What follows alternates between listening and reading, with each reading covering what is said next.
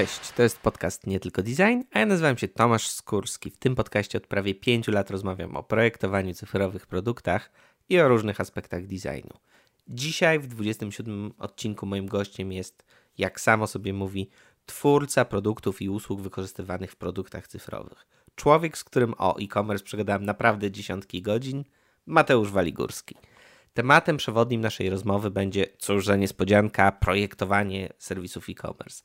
Porozmawiamy też o tym, dlaczego serwisy sprzedające produkty są tak brzydkie i wyglądają jak choinki, jak można projektować wyszukiwarki i jakie są problemy związane z projektowaniem serwisów, które mają sprzedawać rzeczy. Porozmawiamy też o tym, gdzie najlepiej szukać inspiracji przy projektowaniu. Nasza rozmowa jest dość specjalistyczna i pada w niej sporo terminów, które są slangowe lub branżowe. Dlatego dla lepszego zrozumienia całości bardzo zachęcam do spojrzenia do krótkiego słownika, który znajduje się w notatkach do tego odcinka pod adresem nietylko.design ukośnik 027.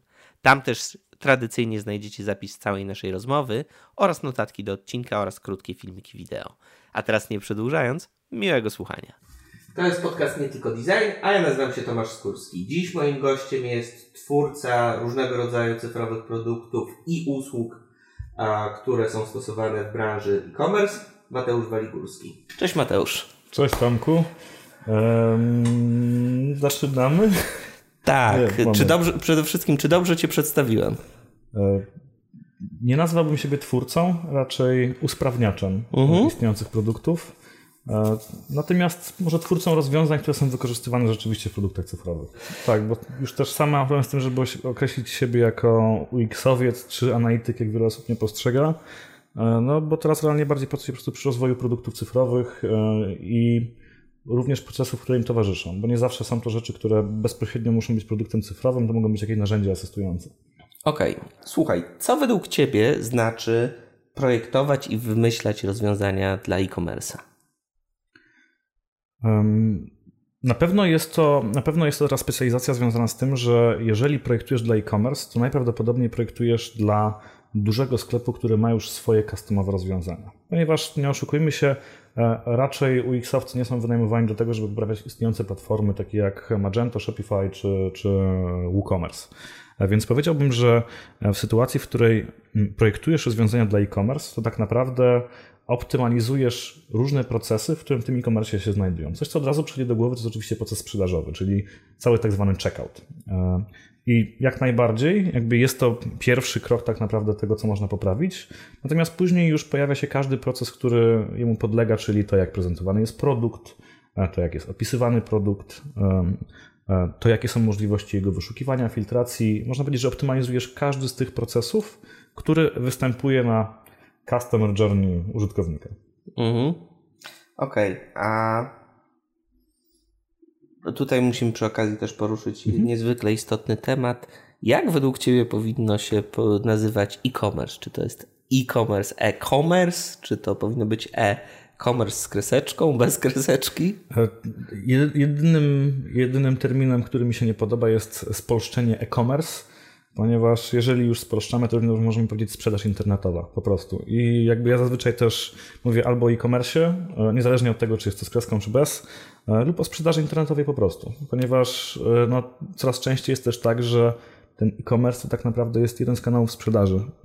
Biorąc pod uwagę to, że już nie tylko myślimy sobie o sprzedaży bezpośrednio przez samą stronę internetową, ale prawdopodobnie ta strona ma też jakiś numer telefonu, przez który można kupić. Być może ma asystentów, którzy również odpowiedzą na zapytanie produktowe na fejsie. To, co poruszyłeś, jest też dość interesujące, mm, bo faktycznie ta wielokanałowość, tudzież omnichannelowość, jak to się elegancko po polsku mm. nazywa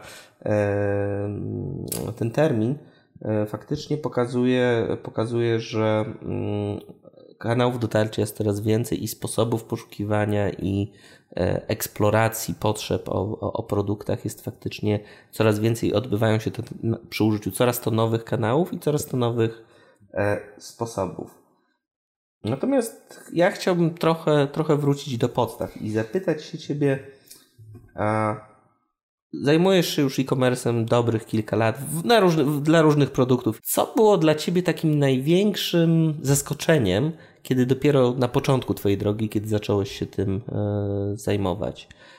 Jeszcze zanim pracowałem dla Euro i pracowałem przy jakby kilku innych projektach e-commerce'owych bądź produktów cyfrowych, e, to to, co mnie chyba najbardziej zaskoczyło, to że mm, nie ma sensu przywiązywać uwagi do strony głównej, bo tak naprawdę w sytuacji, w której handlujesz produktami bądź e, masz bardzo duży katalog produktów, czymkolwiek by one nie były, e, to bardzo często jakby pierwszą stroną, którą widzi użytkownik jest albo listing produktów, e, albo karta produktu. I tak naprawdę myśląc o redesignie, optymalizacji, to są pierwsze ekrany, na których powinieneś się skupiać jako projektant, ponieważ przez to będzie przechodziła największa ilość Twoich użytkowników. I samo założenie takie, że strona główna ma być ładna, przejrzysta i, i super funkcjonalna, wydaje mi się e, błędne, po prostu błędne.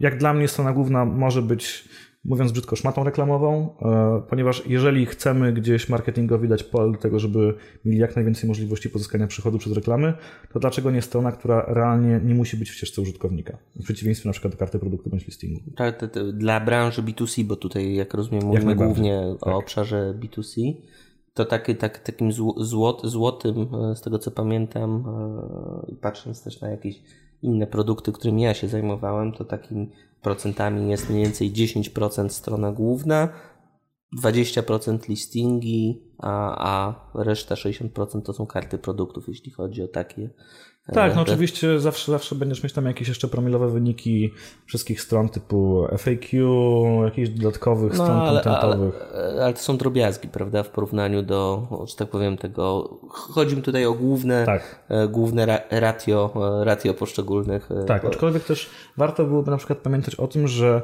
jeżeli dany produkt aspiruje do tego, żeby być wcześniej w ścieżce użytkownika niż tylko kiedy on już wie, jaki produkt kupić, to wtedy teoretycznie na, wysoko na stronach lądowania pojawią Ci się artykuły i poradniki.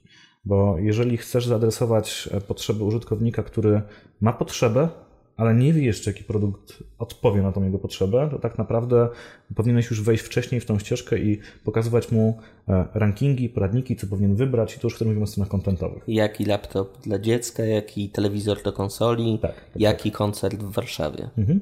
No i to są, to są już wtedy frazy generyczne, na które nie znajdziesz e, wyniku w Google dotyczącego produktu, tylko wtedy jakby powinniśmy być wysoko jako firma, czy jako wręcz doradca online tego, jaki produkt kupić z kontentem. Mhm.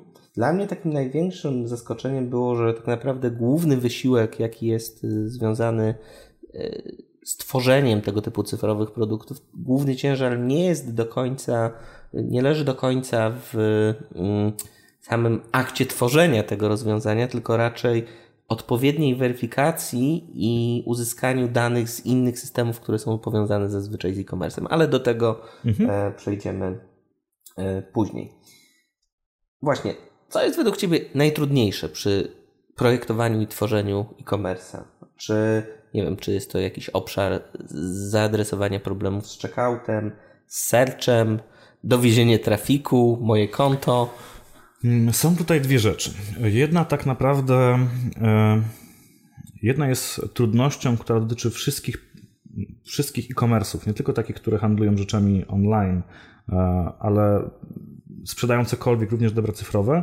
Mianowicie świętym gralem marketingu, analityki i e-commerce'ów jest moim zdaniem identyfikacja użytkownika. To znaczy, e, kiedy korzystamy ze smartfona i kiedy korzystamy z desktopa, to jesteśmy zidentyfikowani jako ten sam użytkownik, chociażby przez ciasteczka, mhm. Mm, ale problemem jest połączenie tych dwóch użytkowników, tych dwóch urządzeń właściwie lub e, jeszcze większej ilości urządzeń e, w poprawną identyfikację, że jest to ten sam człowiek. Dlaczego jest to tak istotne? Mm, właściwie od Roku Mobile, czyli nie, nie, nie, czyli od, od, 10 od, lat, od 10 lat. E, widzimy, widzimy e, taki proces, że spada nam ilość sesji na desktopie, rośnie nam ilość sesji na mobilu i widzimy odwrotny efekt przy procesie transakcyjnym. To znaczy konwersja na desktopie nam rośnie, a konwersja na mobile nam spada. Dlaczego tak jest? Warto pamiętać, że konwersja liczona jest w taki sposób, że bierzemy ilość sesji i dzielimy przez ilość transakcji tak? A w sytuacji, w której etap discovery, poszukiwania informacji o produkcie i tego, co zaadresuje moją potrzebę, od czasu, kiedy to się przyniosło do mobile, ponieważ ludzie najczęściej tego typu informacji poszukują, kiedy mają chwilę wolnego czasu. Jestem w autobusie, poszukam trochę informacji o telewizorze, może o grze, może o konsoli, może o koncercie, na który chcę pójść, whatever. Jakby etap poszukiwania informacji odbywa się na telefonie, ale rzadko kiedy sam proces zakupowy rzeczywiście już jest realizowany jeszcze na tym samym urządzeniu. W związku z czym wsparcie chociażby budżetu marketingowego, rozwoju na mobile ciężko jest uargumentować z tego powodu, że przecież mobile nie sprzedaje, tylko dalej sprzedaje desktop. E, natomiast no, jakby nie jest to tylko mój wniosek, ale wielu też mi bliskich znajomych, którzy pracują przy tego typu produktach, e, jak i można sobie rzucić okiem na konferencje, które prowadzi Google, e, Mobile Conversions od Google, gdzie oni widzą taki sam, taki sam trend w ogóle w ruchu mobilu jako takim. Więc ta identyfikacja użytkownika wydaje mi się bardzo, bardzo istotna. I tutaj bardzo duży benefit mają e, firmy, które mają placówki fizyczne. E, one już zauważyły, że jest to coś, co warto robić, i prawdopodobnie, jeżeli e, dokonywaliście zakupu w jakiejś dużej sieci, to jest szansa, że na przykład kasjer zapytał Was, czy może Wam założyć konto w sklepie, identyfikując Was na przykład numerem telefonu. Dlaczego numerem telefonu? Numer telefonu jest czymś, co każdy z nas ma. Coraz częściej odchodzi się od tego, żeby ktoś miał zarówno numer telefonu prywatny, jak i biznesowy, w związku z czym e, numer telefonu jako ID jest znacznie bardziej przydatny niż adres e-mail. Łatwiej jest zweryfikować użytkownika, który loguje się numerem telefonu, e, autoryzuje wszystko numerem telefonu, ponieważ jest to narzędzie, które jest zawsze pod ręką. Nie ma tego problemu, że mam jedno konto e, założone na tego samego maila z kilkuset hasłami. Więc to bym powiedział jako taka największa rzecz, aczkolwiek tutaj wychodzi trochę mój background analityczny. E, drugim takim elementem, który już dotyczy e-commerce'ów i tu bardziej związanych, i tu bardziej takich e-commerce'ów, które wyrosły z retailu, e, jest e, silosowość organizacji. To znaczy. O, o, tym, o tym rozmawialiśmy niejednokrotnie. niejednokrotnie i to przez dziesiątki godzin. To znaczy, w sytuacji, w której mamy proces sprzedażowy, bardzo często jest tak, że do procesu sprzedażowego wpycha nam się e, kilkanaście obszarów organizacji, każdy chce coś sprzedać. To znaczy, z jednej strony mamy ubezpieczenia, dostawę, do sprzedaż jakichś usług, które raty? są w ramach dostawy, raty, e, gwarancje, no co byśmy sobie nie wymarzyli. Musimy pamiętać, że to są rzeczy, które słabo się sprzedają na karcie produktu. Po prostu. Na karcie produktu użytkownik poszukuje informacji o produkcie, a nie rzeczy, które są około zakupowe. W związku z czym najczęściej te rzeczy trzeba dosprzedać na ścieżce zakupowej. No i tutaj niestety jest to idealny case tego, jak to robią linie lotnicze, to znaczy wszystkie te rzeczy dopychają nam podczas tego, kiedy już kupujemy bilet. I umiejętnością jest przejście ścieżki zakupowej bez dokupienia sobie jakiegoś akcesorium, dodatkowego wyboru miejsca lub czegokolwiek innego. E, no i to, to widzę jako realny problem, ponieważ te silosy w organizacjach często nie widzą E, tego, że kanibalizują siebie nawzajem. E, do sprzedaży tego, do sprzedaży właściwie podczas ścieżki zakupowej.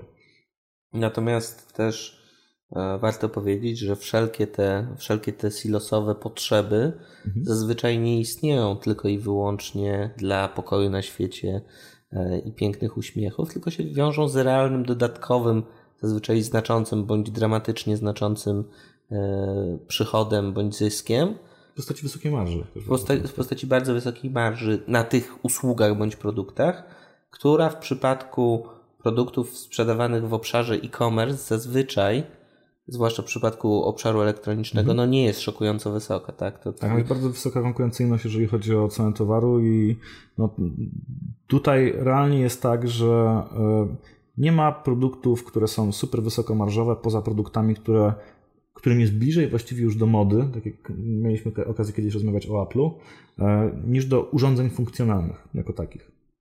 Dobra, słuchaj, a na ile często spotykasz się z taką sytuacją, że e, cel, który trzeba osiągnąć jest prosty, natomiast koncepcja bądź idea, w jaki sposób to zrobić, e, pochodząca najczęściej od tego ciężkiego, ciężkiej sprzedaży, czy takiego ciężkiego biznesu, no jest daleka od doskonałości.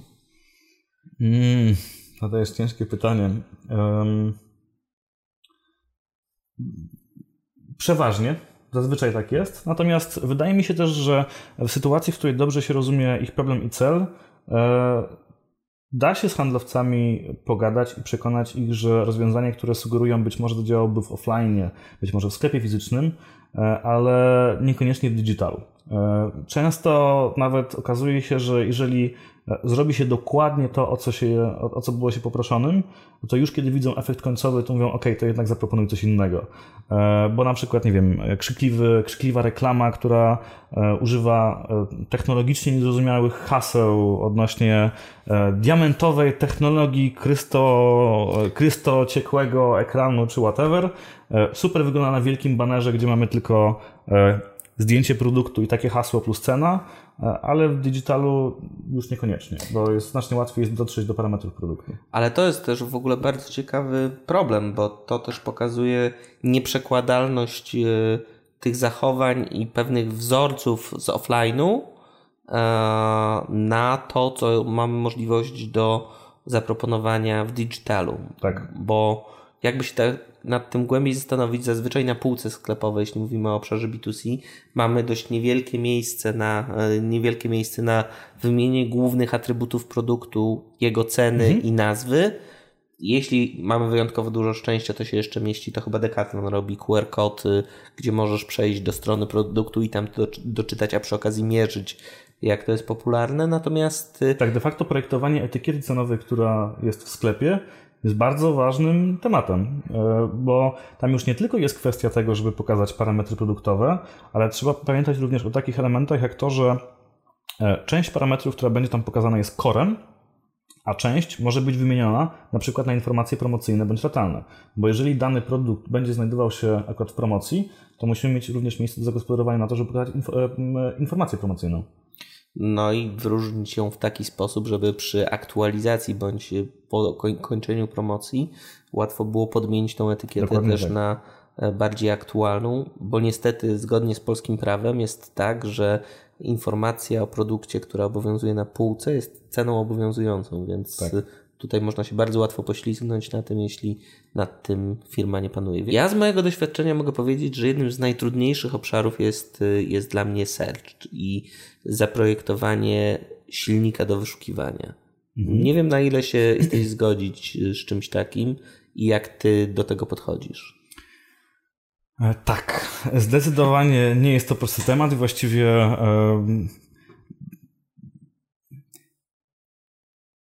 Wydaje mi się, że nie wyolbrzymiałbym, gdybym mógł powiedzieć, że ktoś może się zajmować tylko i wyłącznie searchem na pełen etat. E, tak naprawdę jako procesem.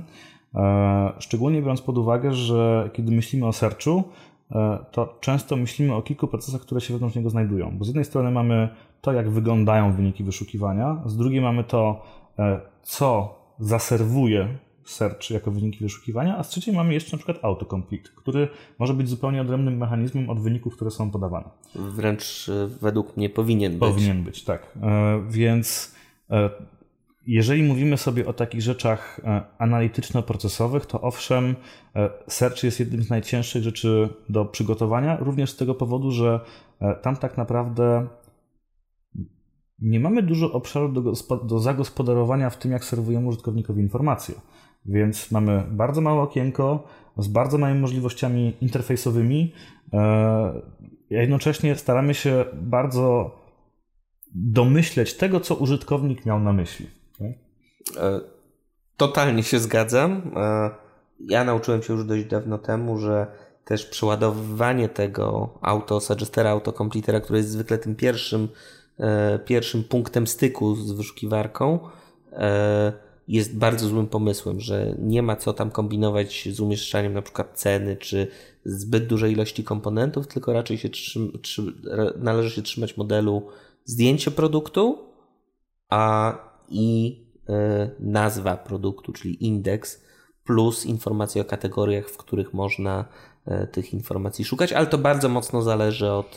To, to już jest coś, co się idealnie wręcz nadaje do testów AB, bo jeżeli mamy jakąś bazę tego, jak ten search działa, to testowanie takich hipotez jak czy zdjęcia będą nam robić lepiej, czy pokazanie ceny, jeżeli mamy dokładne zapytanie produktowe, e, czy, czy pokazanie ceny ma sens, to, się, to jest coś, co się idealnie nadaje do testu AB i nie chciałbym powiedzieć, że lepiej jest pójść w tą czy w drugą stronę. W B2C. W, B2, B2C, w B2B tak. mamy kwestię na przykład tą związaną z wyliczaniem cen dla każdego klienta w obszarze konkretnej kategorii i wyświetlanie i obciążanie tym searcha nie jest do końca szczęśliwym pomysłem. No plus jeszcze w B2B e, zakładam, że u Ciebie może być podobnie, to znaczy e, w B2B będziemy widzieli znacznie więcej zapytań albo z dokładną nazwą produktu, albo wręcz po numerze katalogowym. E, dokładnie tak jest.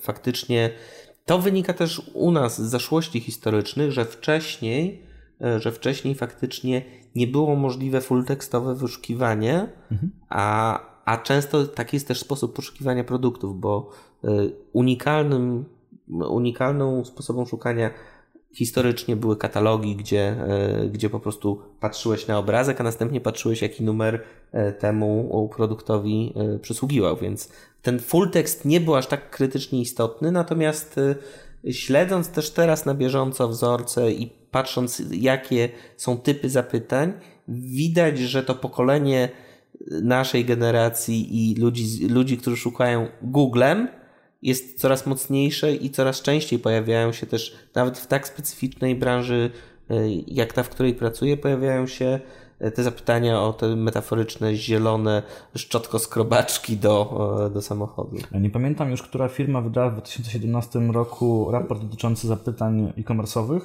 proszę, produktowych natomiast jasno wynikało z niego, że już przynajmniej w Stanach e, większość zapytań produktowych odbywa się na Amazonie, a nie na Google.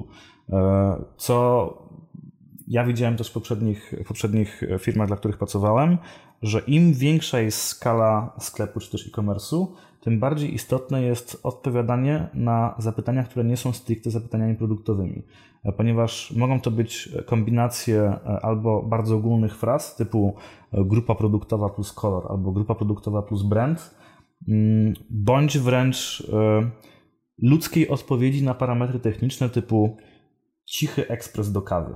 Tak? Jakby, e, więc można powiedzieć, że pierwszym etapem rozwoju wyszukiwarki to jest odpowiedź na zapytania produktowe bądź zapytania parametrowe, czyli jeżeli chcę znaleźć laptopa, który ma 4 GB RAMu, dysk SSD, to mój search powinien uwzględniać parametry techniczne. E, idąc dalej, e, powinien uwzględniać już takie rzeczy e, ogólne jak brand plus grupa produktowa czy podstawowe parametry. No już takim końcowym etapem to jest odpowiadanie na jakby to powiedzieć, przymiotniki, które przedmiot określają, ładny, Ładny telefon. Tak, albo szybki telefon. O ile tani już jest rzeczą bardzo subiektywną, o tyle absolutnie powinien, search powinien brać pod uwagę takie rzeczy jak promocja. Tak? Czyli rozpoznawać, czy akurat dane produkty są w promocji, czy nie. Ile z, twojej, z Twojego doświadczenia takich różnego rodzaju wzorców, takich najbardziej oczywistych i podstawowych mechanizmów e, w przypadku searcha dla e-commerce'ów trzeba obsłużyć? Ja mam takie szacunki na poziomie, nie wiem, mniej więcej 40-50 takich najbardziej podstawowych e, terminów, bez których e-commerce nie działa tak de facto dobrze. Hmm. Okej, okay, ale jeżeli dobrze rozumiem, e, masz na myśli scenariusze, za, scenariusze wyszukiwania. Tak. Lista Bejmarda to, to, to jest pierwsze, co mi przejdzie do głowy. Natomiast tak naprawdę wydaje mi się, że Gdybym miał strzelać, to byłoby około 15-20, jako takich korowych, które muszą być, żeby mhm. traktować w ogóle search poważnie. Um, no bo w przeciwnym razie, inaczej, w pełni rozumiałbym sytuację, w której ktoś, kto jest odpowiedzialny za rozwój e, e-commerce, może stwierdzić, nie rozwijamy searcha, bo i tak Google to będzie robił lepiej, nawet jeżeli zainwestujemy setki tysięcy złotych w searcha i lepiej jest, żebyśmy zadbali o dobre metadane, żeby Google nam znajdowało produkty. Jest to argument, który totalnie bym akceptował e, jako osoba, która rozwija sklep. Więc no to wrócimy do tych 15-20. Ja myślę, że jeszcze to zależy, tak właściwie już zadając Tobie to pytanie, zacząłem się zastanawiać równolegle nad tą odpowiedzią i chyba najbardziej poprawna będzie niestety odpowiedź to zależy, Bo biorąc pod uwagę, jeśli masz e-commerce, który sprzedaje, nie wiem, do tysiąca produktów, to szansa na trafienie na wyniki wyszukiwania, nawet jeśli masz 5-10 patternów, które wzorców, które obsługujesz, jest dużo większa niż jak masz 30, 50, 100, 300 tysięcy. Tak, zdecydowanie. I w zasadzie tutaj jest ta korelacja, od której to w dużej mierze zależy, ale chodziło mi o taki twój szacunek, jeśli chodzi o takie podstawowe. E, Powiedziałbym 15-20. E, okay. I założyłbym, że trzy, trzy pierwsze z nich byłyby bardzo proste, bo pierwszy to byłoby zgodność frazy z nazwą produktu, następnie zgodność frazy z parametrami produktu e, i jako już mniej istotne zgodność frazy z opisem marketingowym produktu. To jest coś, co absolutnie musi się dziać, żeby produkt był indeksowany pod kątem tych treści, żeby ta wyszukiwarka w ogóle miała sens.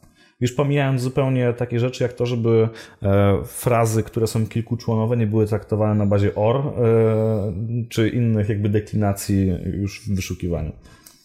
E, pełna zgoda z tym. A ale z tego wszystkiego cały czas chyba największym problemem, zwłaszcza w większych organizacjach, czyli e, w miejscu, gdzie ten e-commerce nie służy, gdzie masz jedną osobę, mhm. która się zajmuje zamówieniami z internetu bądź sprzedaje rzeczy przez internet, e, jest, są wyniki wyszukiwania. Czyli wyniki wyszukiwania slash listingi. W sensie, jeśli chodzi o rzeczy do zaprojektowania, do stworzenia, tu jest potworny potencjał, zarówno jeśli chodzi o kreatywność dla projektantów i dla ludzi, którzy tworzą tego typu rozwiązania, a z drugiej strony jest to zaadresowaniem gigantycznej ilości potrzeb biznesu. Głównie z tego powodu, że każdy chce na nim być i to jak najwyżej. I. Pozwól, pozwól, że jeszcze dopowiem jedno zdanie.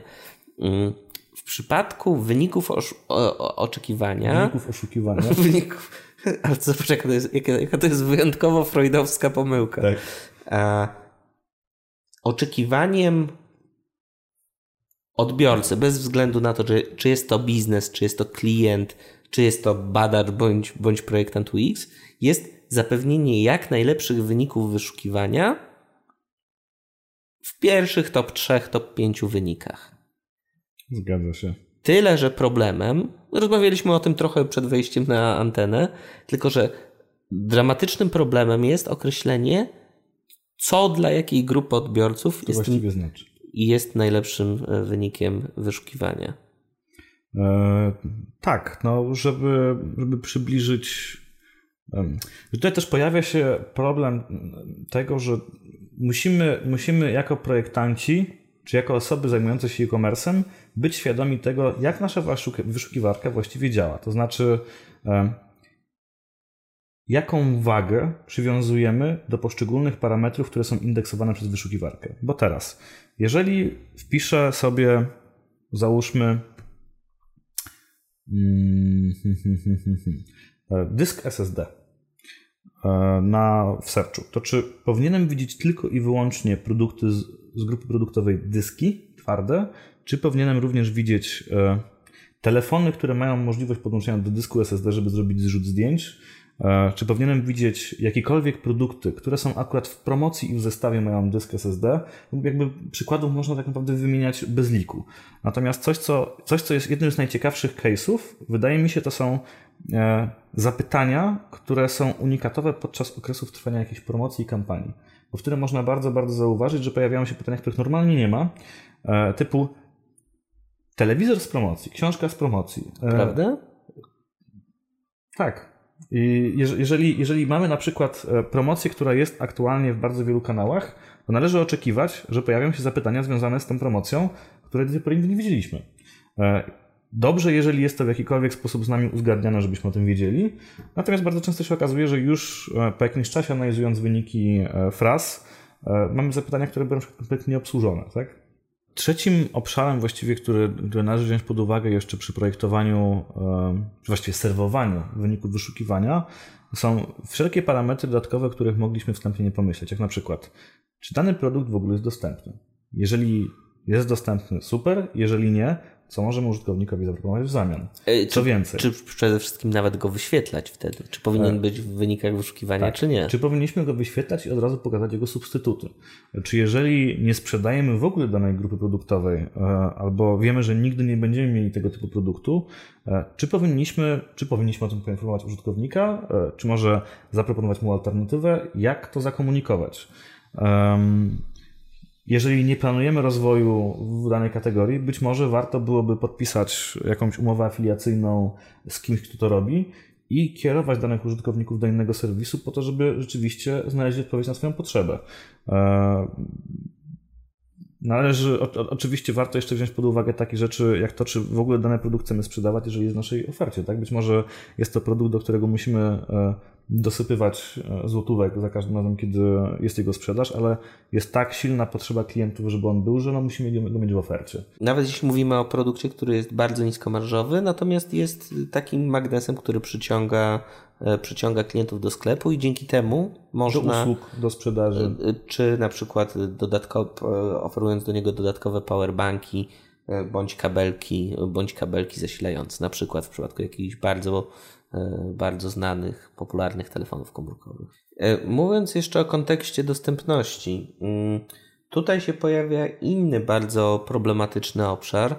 W jaki sposób zaprezentować i wyświetlić w tych wynikach wyszukiwania informacje o dostępności konkretnego produktu, jeśli nie masz informacji o realnej e, lokalizacji klienta. A w przypadku, w przypadku E, serwisów, które mają swoje naziemne placówki, wiadomo, że zależy nam na tym, żeby dostarczyć produkt albo zachęcić klienta do wizyty w miejscu, mhm. które jest najbliżej. A w związku z tym chcemy mu sugerować informacje, e, sugerować informacje o e, stokach, o dostępnościach produktów, które znajdują się w magazynie czy w sklepie koło niego. Ale zauważ, jak jest to rozwiązywane przez wiele serwisów, które są na zachodzie. Jeżeli nie wpiszesz kodu pocztowego, nie zobaczysz katalogu. Dziękuję. Nie jesteś czasem nawet w stanie wejść. W Polsce tego typu rozwiązania najczęściej są o dziwo przez y, serwisy serwujące jedzenie bądź dostarczające tak. żywność. I, i, i to też jakby e, Trochę, trochę nie rozumiem e, powodu, dla którego e, e-commerce się bardzo przed tym bronią. Okej, okay, albo inaczej. Zanim było zanim istniało na rynku wiele aplikacji właśnie związanych z jedzeniem, z dostawą, gdzie ta ostatnia mila naprawdę jest bardzo istotna, e, e-commerce wstrzymywały się przed tym, żeby wymuszać to na użytkownikach, jako że jest to zbyt duża bariera wejścia. Natomiast teraz wydaje mi się, że już jest na tyle spopularyzowane, że ludzie rozumieją, dlaczego potrzebują podać kod pocztowy. Ale kod pocztowy też tak już y, rozmawiając y, niskopoziomowo i nie jest, kod, kod pocztowy nie jest dobrym dobrą informacją, która pozwala ci precyzyjnie zlokalizować. Szczególnie w przypadku małych miejscowości. E, szczególnie w przypadku małych miejscowości. Oby, obydwaj mieliśmy problemy z kodem pocztowym. Żyrardów, tak? Kod pocztowy, który ma Żyrardów, ma też 30 czy 40 miejscowości e, w promieniu 50 km od Żyrardowa. I ten cały aspekt e, lokalności, który jest faktycznie, fakty... Co gorsza, jest szansa, że w obrębie tych miejscowości nazwy ulic są jeszcze takie same. Więc nie można tego do końca, nie można tego mechanizmu do końca stosować. Co więcej, no, te bazy są niedokładne. Często jest, jest tak, że kody pocztowe się zmieniają dla danej ulicy. Y, I pytanie, czy wtedy serwować stary, stary kod pocztowy, nowy kod pocztowy, co w sytuacji, kiedy nie znajduje kodu pocztowego. po dekomunizacji, czy po powrocie do pierwotnej nazwy? E, to się też bardzo często zmienia ostatnimi czasy w Polsce. E, pod tym względem mnie zachwyca baza kodów pocztowych w Wielkiej Brytanii. Ona jest, ona jest fantastyczna, w sensie, że tam kod pocztowy ci w sposób definitywny e, i w dużych, i w małych miastach wskazuje, który fragment ulicy tak de facto to jest, czyli kod pocztowy i numer domu. To są wystarczające parametry, żeby żeby dostarczyć ci. Ale to jest też bardzo ciekawy wniosek, e, bo jeszcze w późniejszym etapie będziemy też rozmawiać o jakichś inspiracjach, prawda? E, I tutaj bardzo patrzę sobie na rynki azjatyckie. Natomiast od dłuższego czasu sprawdzałem sobie, jak to wygląda w Afryce. Jednym z głównych blokerów w przypadku e-commerce'u w Afryce jest brak narodowego systemu adresów. Ale tam nie ma czegoś takiego jak kod pocztowy. Więc właściwie na, w dniu, w którym dostawca ma dowieść ci produkt, konsument musi cały czas być gotowy na telefon od kuriera, że gdzieś może być w pobliżu, ale właściwie nie ma tu drogi, jak on ma dojechać. E, żeby nie było, w Polsce takie problemy też są całkiem realne. Proponuję Ci zamówić coś do domu dla odmiany. E, natomiast chciałem powiedzieć jeszcze o, o dostępności e, słowo. Bo z jednej strony chcemy to jak najbardziej łatwo wyświetlać informacje o dostępności produktów jak najbliżej niego, tak. ale z drugiej strony mam problem, problem typowo biznesowy. W jaki sposób zabezpieczyć się przed y, y, zdrapywaniem tych informacji bądź pobieraniem ich przez naszą konkurencję, co jest y, zaskakująco częstym problemem. Zresztą wiesz o tym tak samo Ale jak. Ty, to, ty mówisz o jednym problemie, pojawia się jeszcze problem inny. Jeżeli użytkownik e, szuka konkretnego produktu, czy na pewno chcesz mu pokazać, że dzisiaj go w tym sklepie nie będzie? To jest jedna rzecz, bo może sobie pójść do konkurencji. Czy zaadresować to jakoś inaczej w postaci pokazania mu wyników również z innych sklepów, gdzie będzie mieć blisko, obietnicy tego, że jeżeli to zarezerwuje, to będzie miał to na jutro, jeżeli poczekał jeszcze jeden dzień, czy pokazania mu alternatywy, którą może dostać na miejscu. Do tego dochodzą jeszcze urocze, e, urocze problemy jak e, porządek sortowania, który jest czy alfabetyczny, czy po cenie. Mm, do tego dochodzą nasze ukochane domyślne wyniki wyszukiwania tak, bądź. Domyślny. czekaj, jeszcze się spotkałem z nazwą rekomendowane, mhm. E, które zazwyczaj uwzględniają najbardziej atrakcyjną logikę biznesową dla, tak. dla firm. No i tutaj nie jest wielkim sekretem, że zdarza się, że konkretne firmy mm, są promowane, konkretne brandy bądź marki są promowane wyżej niż inne. Tak, jest... I tutaj też e, w przypadku rynku B2C popularne jest, że faktycznie tym głównym driverem dla klientów jest niestety cena.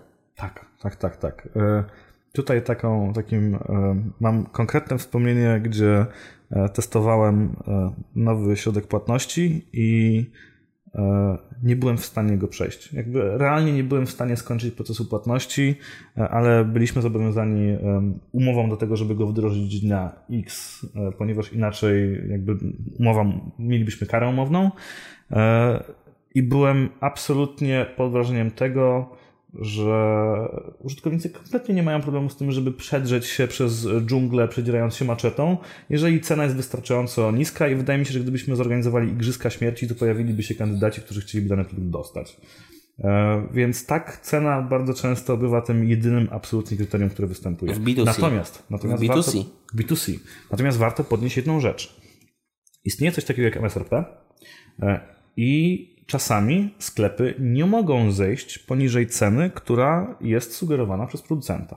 Co kończy się tym, że bardzo często e, tworzone są e, promocje ograniczone e, ilościowo i czasowo, których feedy cenowe nie mogą być eksportowane na przykład do wyszukiwarek i realnie informacje o takiej promocji na przykład dostaną tylko newsletterowcy.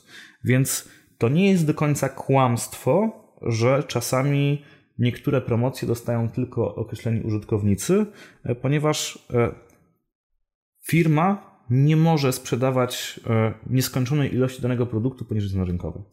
Rozmawiamy o różnego rodzaju patologiach i to bardzo płynnie, nie wiem czy zauważyłeś, nam przeszło.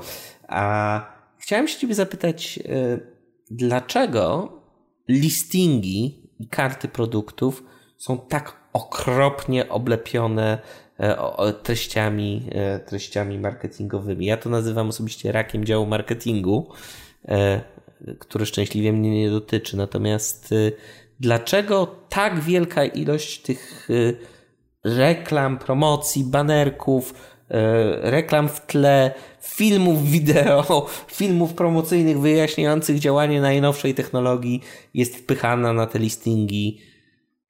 Dlaczego?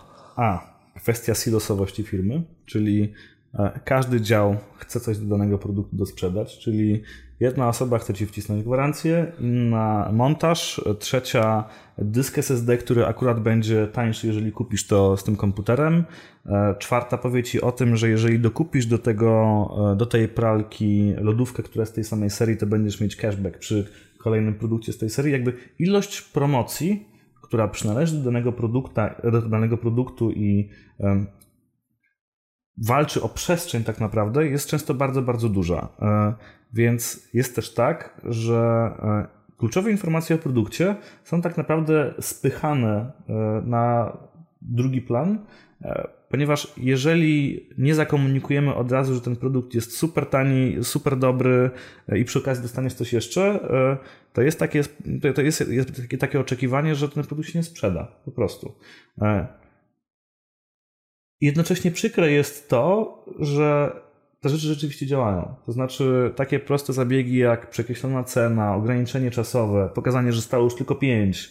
Te rzeczy naprawdę działają, czyli te podstawowe mechanizmy promocji, o których się mówi właśnie e, scarcity, czy ograniczenie dostępu, czy pokazanie literności produktu, czy takie proste rzeczy jak to, że będziesz mieć ten produkt w przedsprzedaży trzy dni przed innymi, one po prostu działają. Nie, to gry w y, przedsprzedaży. Gamifikacja. To, to, to, ale gry w przedsprzedaży to jest dla mnie coś nieprawdopodobnego, że ludzie są w stanie zapłacić za to mm, dodatkowe pieniądze. ale to wiesz, że ja nie rozumiem gier, więc e, to akurat nie jest szczególnie dziwne. Eee... Akurat jeszcze w grach to rozumiem w takich przypadkach, gdzie osoba, która e, dokona preordera z dużym wyprzedzeniem, bardzo często ma albo dodatkowe benefity, e, albo ma dostęp do beta testowania gry i czuje, że ma wpływ na grę, mimo tego, że realnie jest po prostu darmowym testerem software'u, tak? Natomiast muszę Ci też szczerze powiedzieć, że jak patrzę na, a śledzimy, śledzimy te jednak e-commerce w Polsce dość intensywnie, a uważam, że w Polsce ten poziom tych właśnie grania na tych bardzo niskich emocjach nie jest jeszcze tak bardzo mocno rozwinięty. W sensie, że dużo nam brakuje do AliExpressów, Gearbistów y, czy z innej branży Booking.com, gdzie faktycznie te e, Kon konwersyjność i konwersyjność i taka manipulacja jest, stoją na nieporównywalnie wyższym poziomie. Przez te kody różne rabatowe, które się pojawiają, te wielkie liczniki błyskające, które pokazują, jak niewiele czasu ci zostało. A to jest, jest taka piękna historia. Mm, nie chciałbym skłamać, której firmy to dotyczyło, ale wydaje mi się, że dotyczyło to Staples e, w Stanach, gdzie e, jeżeli dobrze pamiętam, e, przyszedł nowy dyrektor marketingu bądź e-commerce'u z Apple'a i postanowił, że te kupony promocyjne wycinane to w ogóle to jest jakaś hała i należy się tego pozbyć i jakby po prostu zrobić dobry, klarowny, jasny sposób sprzedaży i to wtedy będzie działało lepiej. Zrobili tak, sprzedaż im spadła, facet wyleciał i wrócili do kuponów takich jakby digitalowych, wycinanych kuponów promocyjnych i rabatowych, które użytkownik musi ręcznie wpisywać. A przy czym w Stanach ten rynek właśnie kuponów jest nie, nieprawdopodobnie mocny. Te, te, te... Tam istnieje mnóstwo apek, które tak naprawdę istnieją tylko dla łowców promocji, e, po to, żeby zbierać wszystkie kupony w jednym miejscu. To, że te banery na przykład są tak obrzydliwe, jak są bardzo często, wynika z jakichś konkretnych powodów, prawda? Tak. Wydaje mi się, że tych powodów jest kilka. Jednym najbardziej oczywistym, e, i tutaj okay, jednym, jednym takim najbardziej oczywistym jest to, że e, producenci e, chcą, żeby formaty reklamowe były zgodne z ich CIM. E, no i to może pójść w dobrą stronę albo w złą. Czyli tak? corporate identity, czyli identyfikacją wizualną danego brandu i no, z tym jest różnie. Są brandy, które mają bardzo fajnie zrobione jakby kreacje, a są takie, które no, jakby wyglądają jak z lat 90. i to z targu gdzieś pod stadionem. Drugą rzeczą jest to, że e, wydaje mi się, że e, UX-owcy i interfejsowcy nie dbają o reklamę. To znaczy, jeżeli spojrzelibyśmy sobie prawdopodobnie na jakąkolwiek makietę low-fee czy high-fee jakiegoś e-commerce'u, to prawdopodobieństwo, że zobaczysz szary kwadrat z napisem placeholder, placeholder na reklamę jest bardzo duży. Prawdopodobnie nawet nie będzie tam propozycji tego, jak ta reklama mogłaby wyglądać, ani jakie informacje zawierać. Najbardziej wyrafinowany sposób, z jakim się spotkałem, jak e, radzić sobie z e, przestrzeniami reklamowymi, to było umieszczanie zdjęć e, modelek w tych miejsc, w placementach na miejsce reklamowe. Więc żeby, żeby nie był to typowy placeholder, tylko, tylko żeby była to już mocna, bardziej mocniejsza kreacja i wizualizacja będąca pełną grafiką. Trzecią rzeczą trzecim powodem, który, któremu może służyć, jest, że kiedy mówimy o e-commerce'ach, które są bardzo, bardzo duże, to pojawia się też kwestia spójności danego, danej kreacji z kreacją, która występuje w offline, na banerach bądź w innych mediach. I w telewizji na przykład. W telewizji, e, czy w gazetkach promocyjnych, czy po prostu w gazetach jako promocja danego sklepu. I wtedy rzeczywiście istotne jest, żeby ta reklama wyglądała tak samo źle w przypadku digitalu, e, co w princie, ponieważ o ile w princie dany format zaskutkuje i rzeczywiście ktoś się zainteresuje tym produktem, e, o tyle w digitalu po prostu musi być spójny, żeby użytkownik wiedział, że jest jakby reklama dotyczy tego samego produktu. A z czego wynika w ogóle to, tak rozmawialiśmy trochę o tej stronie internetowej, dlaczego tam jest tak dużo zazwyczaj reklam nawalonych? Te strony wyglądają jak choinki, e, dlatego że każda lampka i każda bombka, która jest reklamą, to jest realnie wysokomarżowy zysk dla firmy. E, nieraz stałem przed decyzją, gdzie e, kosztem jakiejś funkcjonalności wsadzałem z powrotem reklamę po teście AB, ponieważ daną funkcjonalnością nie byłem w stanie zapewnić takiego zysku, jaką przynosił, jaką przynosiło miejsce na reklamę. Oczywiście to za tym idzie, jeżeli masz dobrze śledzone dane dotyczące impresji reklam i ich kliknięć, możesz też pozbyć się jakiejś reklamy, która po prostu już wiesz, że nie jest klikalna. Ale czy to czasem też nie znaczy, że czasem te reklamy realnie są potrzebne? Po prostu, że ludzie ich potrzebują?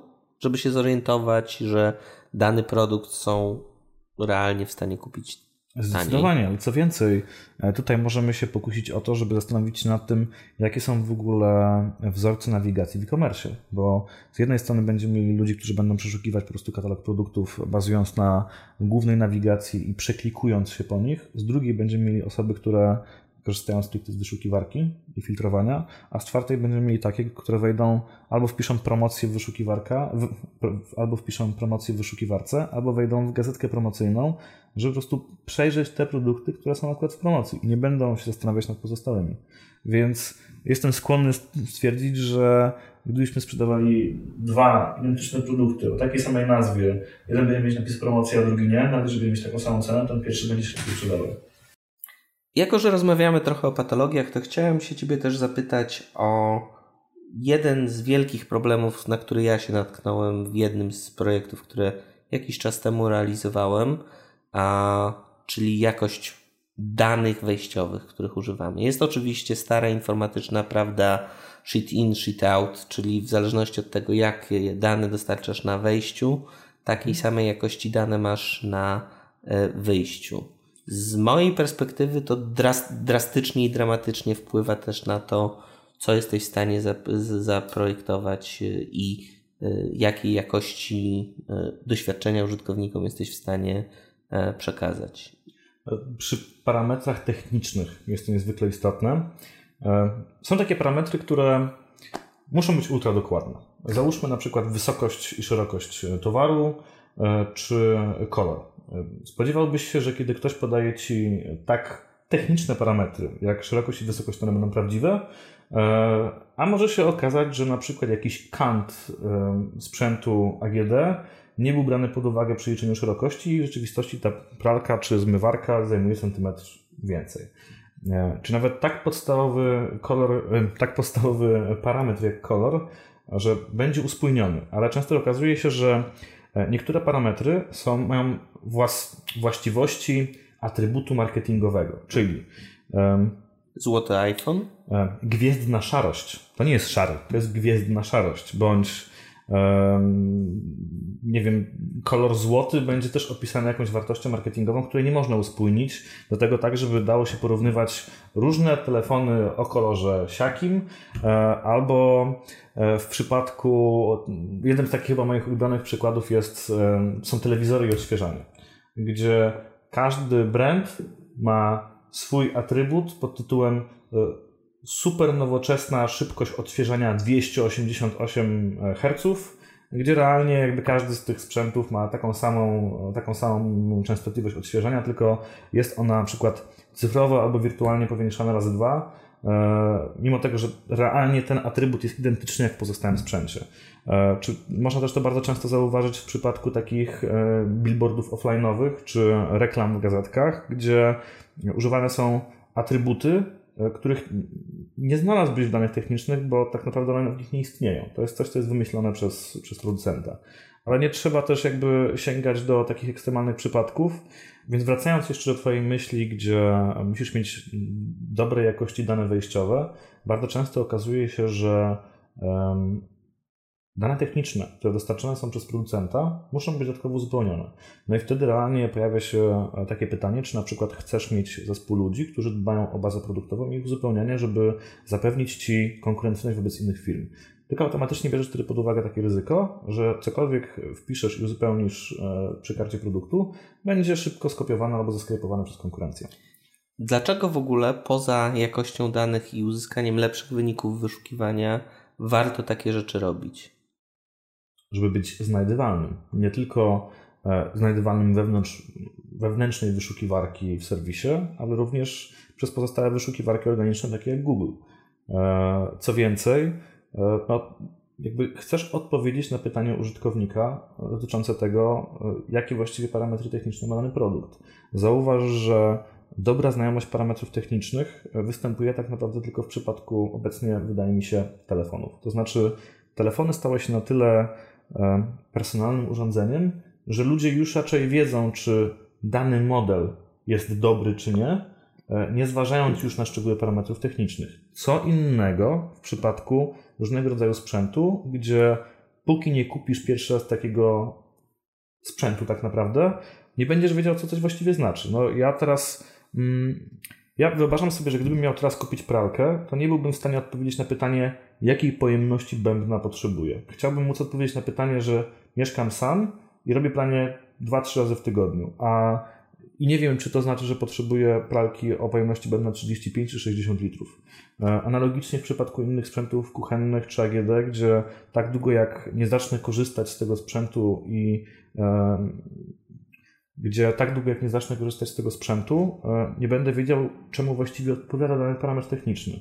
Co wiąże się z tym, że warto jeszcze pamiętać o takiej rzeczy, że udostępniając filtrowanie e, podanych technicznych, e, będzie, mógł będzie mogła z nich skorzystać tylko osoba, która wie, co dane, dane techniczne oznaczają. I warto rozważyć również coś takiego, jak, jak przełożyć dane techniczne na scenariusze użycia w realnym, codziennym kontekście tego użytkownika. I to prowadzi do takich rzeczy, jak na przykład tworzenie asystentów sprzedaży, gdzie e, zadając dwa, trzy, cztery pytania o kontekst użycia tego towaru, tego produktu, e, będziesz w stanie jakby troszeczkę ograniczyć paraliż decyzyjny tego klienta, redukując ilość produktów, z których musi wybrać z 300 do 10. A czy nie jest też trochę tak, że te mm, metadane, które bardzo często się znajdują. Ja to nazywam na własny mhm. użytek. Mm, na ile, na ile tego typu informacje i tego typu właśnie użyźnianie, ubogacanie tych, tych y, produktów y, nie adresuje innej z potrzeb y, użytkownika, mhm. czyli tak naprawdę tego etapu eksploracji i tej, tej fazy discovery, odkrywania jego potrzeb. Czy to nie jest realna przewaga konkurencyjna?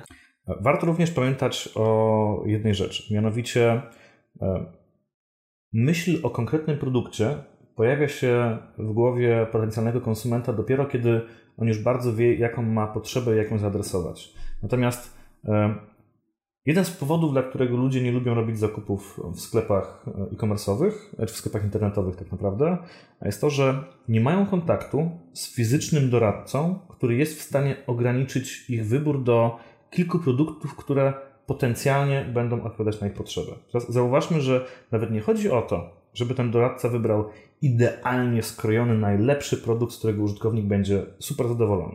Chodzi o to, żeby ograniczył jego wybór z 300 do powiedzmy 5, które potencjalnie będą mu odpowiadać. E, znam to chociażby po sobie, że zawsze kończę z Excelem próbując wybrać jakiś produkt, ponieważ mój jakby proces decyzyjny e, popada wręcz czasami w paranoję, jeżeli mam sobie wybrać coś, co miałby mi, miał, miał, z czego miałbym nie być zadowolony. Wręcz ostatnio czytałem świetny artykuł o tym, e, że um, tak jak jest termin FOMO, nie wiem czy znasz. Fear of missing out. Tak, pojawił się termin FOBO. Czy znasz go? Nie. Fear of better options. E, czyli nie wybiorę czegoś tak długo, jak mam obawę, że mogę mieć lepszą alternatywę, z którą później będę musiał się wozić z tym, że kupiłem gorszy produkt. Ale poczekaj, to mi przypomina, jak kiedyś mi opowiadałeś, jak szukałeś monitora dla siebie a, i doszedłeś do poziomu numerów seryjnych. Telewizor. To był telewizor. Y, numerów telewizyjnych wypuszczanych w konkretnym miesiącu w w, z jakiejś fabryki i dyskusji bodajże na Reddicie, e, czy... Udało, udało, mi, się, udało mi się dotrzeć do dyskusji pracowników e, fabryki, którzy mówili o tym, że ten model, mimo tego, że jest dużo tańszy, jest produkowany na podzespołach modelu premium, w związku z czym kupujcie ten model konkretnie z tego roku, ponieważ jest dużo, dużo lepszy jakościowy niż nawet te modele premium. To mnie uspokaja, że moja paranoja aż tak mocno nie jest posunięta tak, jeszcze. Tak, staram się z tym walczyć, ale nie jest to łatwe. Nie masz wrażenia, że jeśli chodzi o projektowanie w e-commerce, to tutaj nie do końca jest miejsce na kreatywność, że nasz wspólny znajomy Igor Farafonow e, ma jedną taką prezentację, gdzie często zakrywa e, loga, loga sklepów i pokazuje, pokazuje kolejne serwisy internetowe, dodatkowo jeszcze robiąc te obrazy monochromatyczne mhm. i pokazując, że one de facto się praktycznie między sobą niczym, niczym nie różnią. Tak. Czy nie masz trochę wrażenia, że skrajna optymalizacja, testy AB, y, a być może brak kreatywności doprowadziły do tego, że właściwie wszyscy, wszyscy tworzymy dokładnie tak samo wyglądające rozwiązania, które y, się praktycznie niczym od siebie nie różnią. Czy oczekiwałbyś, e, że samochód, który kupisz, e, będzie miał drzwi na dachu? Jakby Wiesz, to jest tak trochę, czy to inaczej, czy to źle?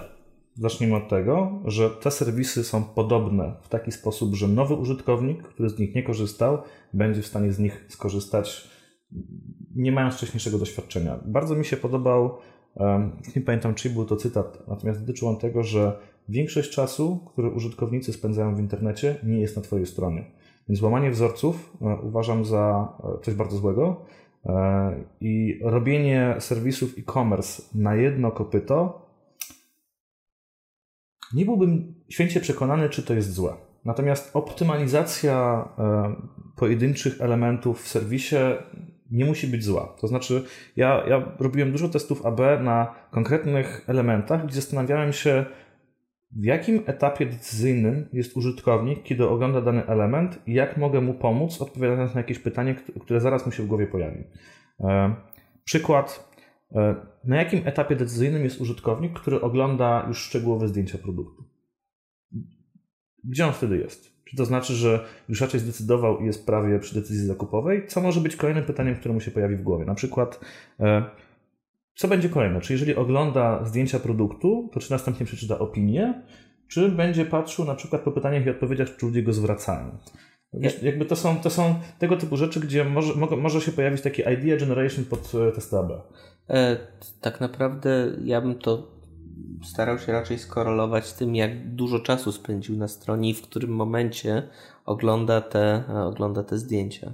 Ja, czy jak dużo czasu spędził na stronie? E, stronie w sensie na konkretnej podstronie, w sensie karcie produktu albo Co na więcej, listingu. Który raz jest na tym samym produkcie?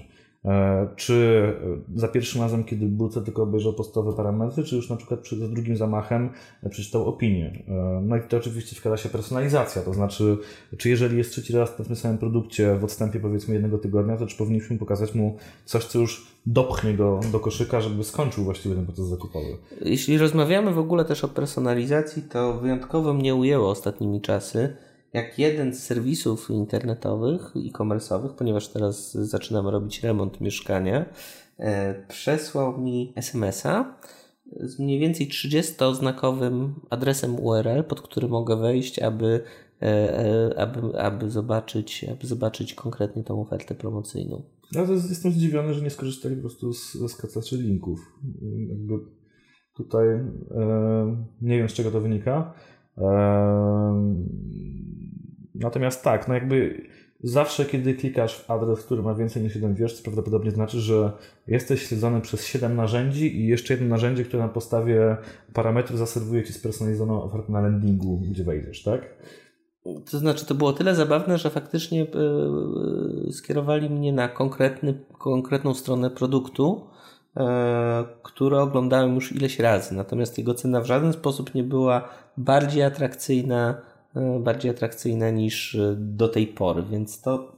To było, to było chyba nie do końca dobre użycie. Natomiast wiesz, jeżeli, jeżeli chodzi o testowanie różnego, różnego rodzaju rekomendacji, to jedna z tych najbardziej podstawowych, czyli ostatnio oglądane, jest jedną z najlepiej sprzedawalnych tak naprawdę. Więc jakby jedną z pierwszych rzeczy, które rekomenduję właściwie każdemu serwisowi, to jest wysyłając ofertę reklamową klientowi, warto wśród realnie promocyjnych produktów wmieszać te, które użytkownik ostatnio oglądał.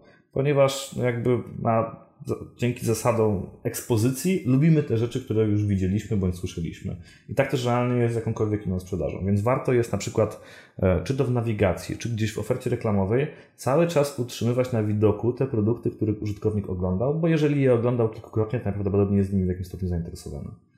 E, o ile to doskonale się sprawdza w B2C, w obszarze, w którym ty działałeś bądź działasz, o tyle w przypadku e, branży, która mi jest bliska, gdzie mamy do czynienia e, e, z bardzo moment, momentalnymi tak naprawdę zainteresowaniami konkretną grupą produktów, ponieważ mhm.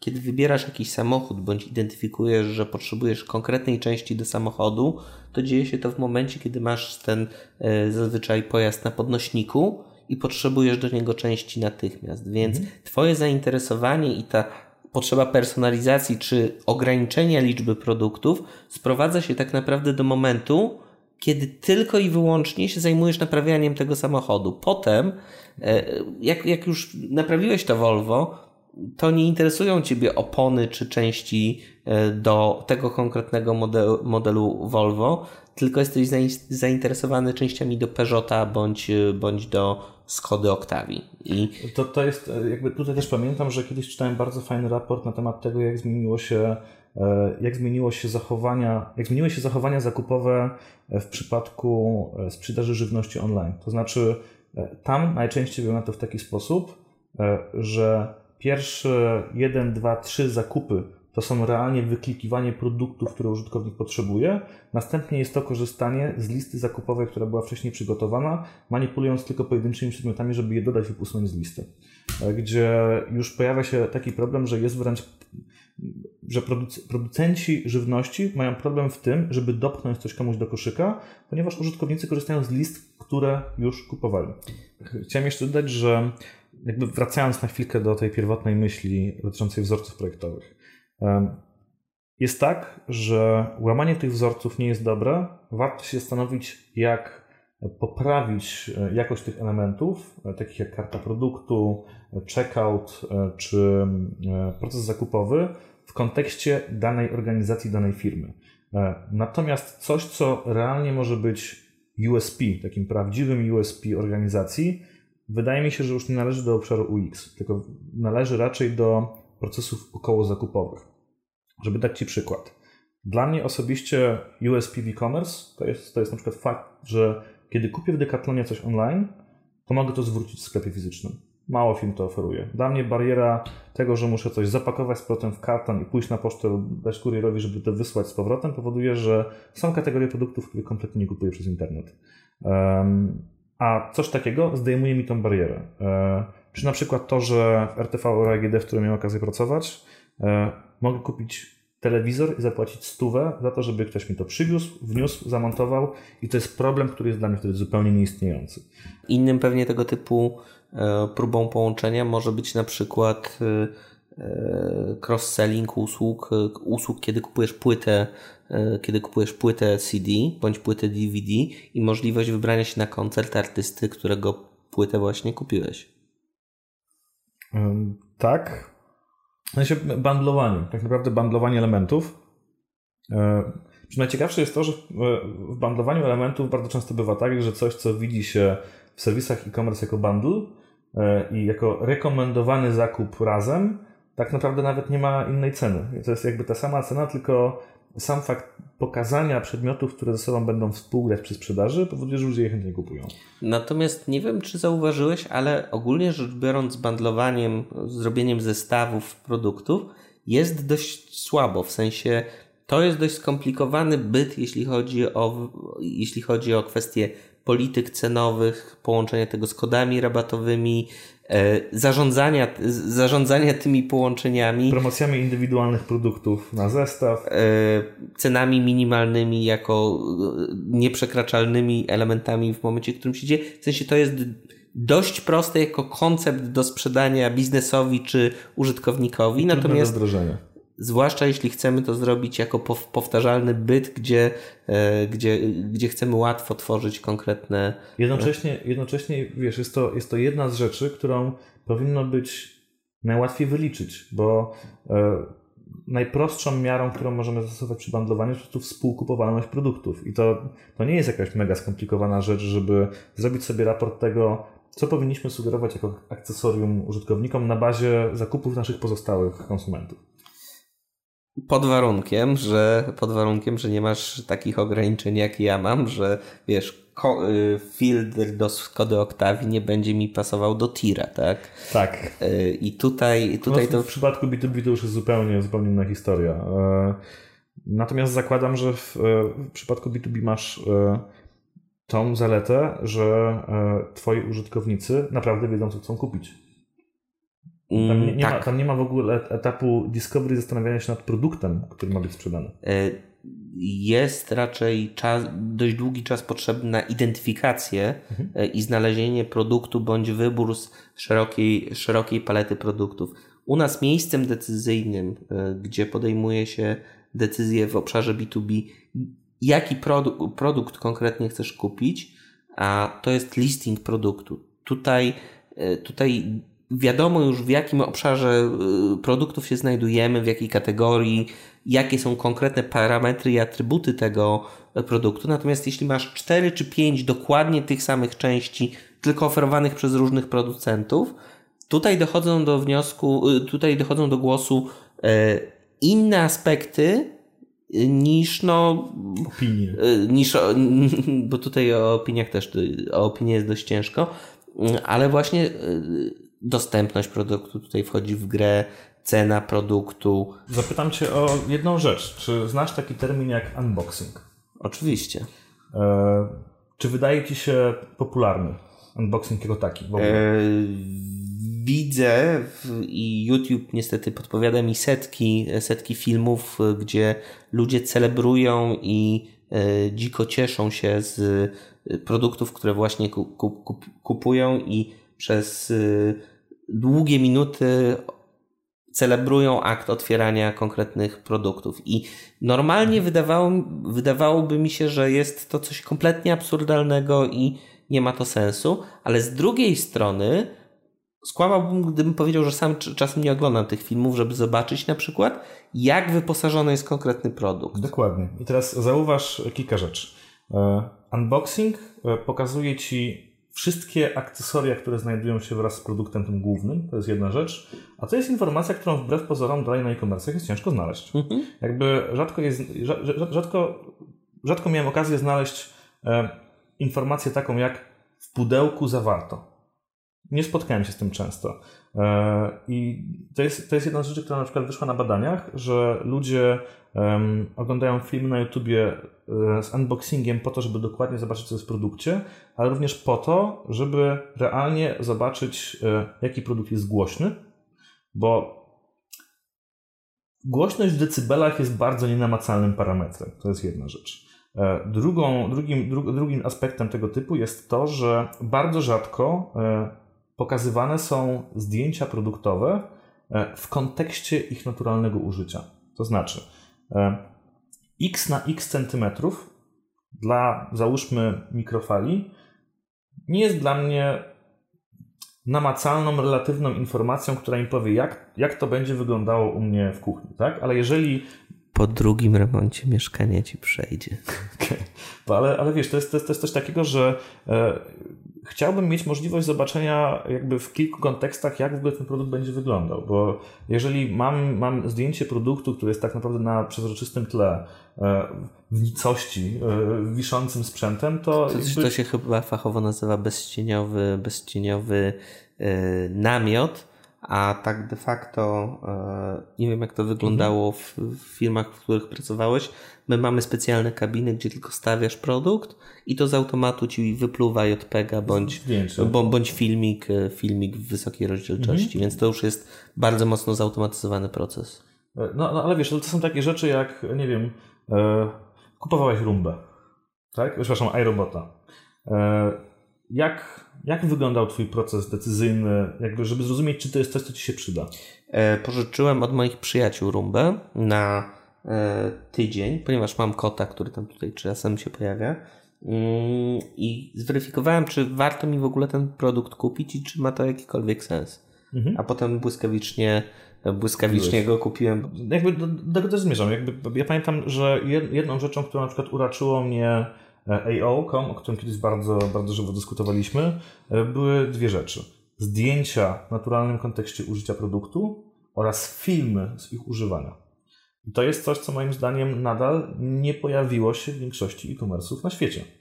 Mm, I tak i nie. Mi przychodzi do głowy ThinkGeek, który, w którym są takie dość drogawe rzeczy dla geeków, ale też zauważ, że w rekomendacjach produktów amazonowych mhm. E, dość często możesz, możesz zobaczyć filmiki przy tych bardziej popularnych produktach, bardziej popularnych produktach E, jak konkretny produkt jest, jest, jest, jest używany, będzie wykorzystywany. Dlaczego te produkty są bardziej popularne? No, to jest oczywiście pytanie z tezą, natomiast y, uważam, że część producentów też zaczęła dbać o to, e, żeby dostarczać tego typu materiały. Bo jakby oczywiście idealnym rozwiązaniem jest wtedy, kiedy wraz z informacjami o metadanych produktowych producent dostarcza takie rzeczy, ale bardzo często okazuje się, że nie. Trzeba sobie taki materiał dokręcić. E, no i na przykład pojawia się problem wtedy właśnie kradzieży takich materiałów, tak? E, z tego co pamiętam, e, wspomniany AO ma swoje studio nagrań do robienia filmików produktowych w Wielkiej Brytanii, gdzie wszystkie materiały kręcą sami na potrzebę ustandaryzowania tego, jak wygląda wideo pokazujące użytkowanie produktu. Ale tutaj też y, te filmiki zwróć uwagę, że to już niewiele potrzeba, jak masz własne standardy tworzenia, że można na przykład tworzyć też subtitles y, w tych filmikach, w sensie to już nie jest y, jakoś daleko idące. No to, to jest, tutaj jest też efekt tego, że e, koszt produkcji takiego wideo tak naprawdę cały czas spada. Jakby, wiesz, ja jestem zwolennikiem e, automatyzacji białkowej i delegacji niektórych rzeczy na użytkowników. I wydaje mi się, że akurat takie rzeczy jak zdjęcia i wideo e, to jest coś, co może być absolutnie elementem opinii użytkownika. E, I oczywiście ktoś może się tutaj pokusić o to, no ale co jeżeli dany produkt będzie pokazany w niekorzystnym świetle? No to może nie powinniście go sprzedawać. Skoro macie krapowy produkt, który pokazuje dany brand w bardzo niekorzystnym świetle, to trochę nie jest problem e-commerce, tylko danego producenta. I kategorii menadżera, który też podejmuje decyzję, tak. E, aby taki produkt. Oczywiście pojawiają się wtedy e, wszelkie kwestie prawne, takie jak odbicie pana w czajniku na Allegro, e, o którym chyba każdy słyszał. Natomiast no jakby... Nie, tak... nie będzie tego w notatkach do tego odcinka. Natomiast tak jak, tak jak pilnujemy opinii tego, żeby treści w opiniach nie były wulgarne, czy, czy żeby nie było tam treści, których, no nie wiem, nie chcielibyśmy swojemu dziecku przeczytać, w taki sam sposób należałoby moderować kontent związany z zdjęciami czy filmami. E, tak jak powiedziałem na samym początku, jedną z rzeczy, która jest dla mnie też bardzo trudna, e, to kwestia integracji z zewnętrznymi systemami. E, zazwyczaj, jeśli pracujemy w większej firmie, która faktycznie e, sprzedaje więcej produktów, ma więcej lokalizacji, działa w większej ilości krajów, Mm, pojawiają nam się kwestie obsługi i zintegrowania, zintegrowania nie na poziomie technicznym, ale na poziomie interfejsów i usług e, systemów ERP, systemów do zarządzania informacjami o produktach, czyli używając magicznych trzyliterowych skrótów, system ERP, system PIM, e, czy też system MDM, e, jakieś systemy zewnętrzne do obsługi rat i płatności, a I czy uważasz, że takie utrudnianie ścieżek zakupowych, jak na przykład, nie wiem, oferowanie 20 sposobów płatności, nie patrzę się z wyrzutem teraz na, e, na ciebie i na produkt, który współtworzyłeś, e, mm, czy to ma w ogóle sens, czy to jest znowu się sprowadza do twardej i ciężkiej e, monetyzacji po prostu wdrażania tych usług? Twoje pytanie jest pytaniem z tezą, moim zdaniem. Natomiast, nie, nic z tych rzeczy. uważam, że nie, że to nie jest złe. E, przy czym należy pamiętać, że e, wyciągając dane na przykład z analityki, powinno się streamlinować ten proces, który najczęściej występuje. Mhm. To znaczy, jeżeli wiemy, że 80% naszych użytkowników płaci, załóżmy, M-Bankiem bądź Blikiem, e, to to są opcje, które powinny być wyciągnięte na wierzch. I powinny być jak najszybciej dostępne, ponieważ wiemy, że tak to będzie wyglądało i powinniśmy oferować możliwość wyboru tych pozostałych rzeczy, tylko no, jakby one nie muszą być tak bardzo widoczne. E, co więcej, bardzo często zdarza się tak, że e, jeżeli zależy nam na tym, żeby ktoś korzystał z danego sposobu płatności, ponieważ załóżmy mamy na nim lepszą prowizję, no to też stosuje się dark patterny do tego, żeby dane opcje były bardziej widoczne. E, bo nie ma co ukrywać, e, jakby nie uważam, żeby elementy, które są powyżej folda, albo inaczej. Nie uważam, żeby mityczny fold e, nie istniał.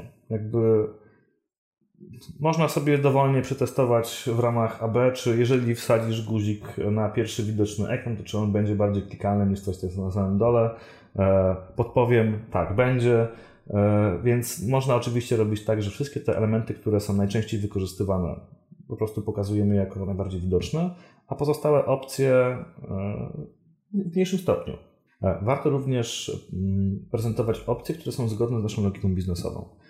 Typu, jeżeli wiemy, że dla danej grupy produktowej najczęściej będzie wybierany odbiór osobisty, ponieważ jest to mała rzecz, którą prosto wziąć do domu, to taki sposób dostawy powinniśmy sugerować. E, co więcej, jeżeli jak coś, jakaś, jakiś wybór użytkownika jest przez nas niepożądany, to możemy oczywiście go również bardzo, bardzo ukryć. To już być może nie jest e, w gestii użytkownika, ale może się bardzo przełożyć na wyniki finansowe.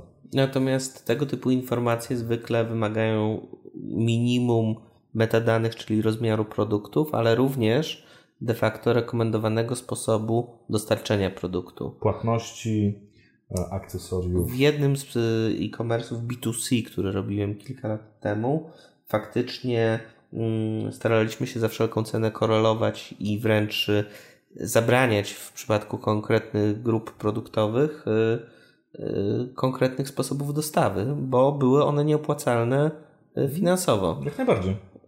Jeszcze inna kwestia polega na tym, że często ograniczenia prawne uniemożliwiają na przykład y, wykorzystanie konkretnej metody dostawy. Tutaj chodzi o na przykład akumulatory, mhm. które ponieważ często zawierają w sobie kwas, są szkodliwe dla środowiska, nie mogą być na przykład dostarczane pocztą kurierską. E, podobną historię słyszałem od kolegi, który zajmuje się e-commerce'em dla Niemiec.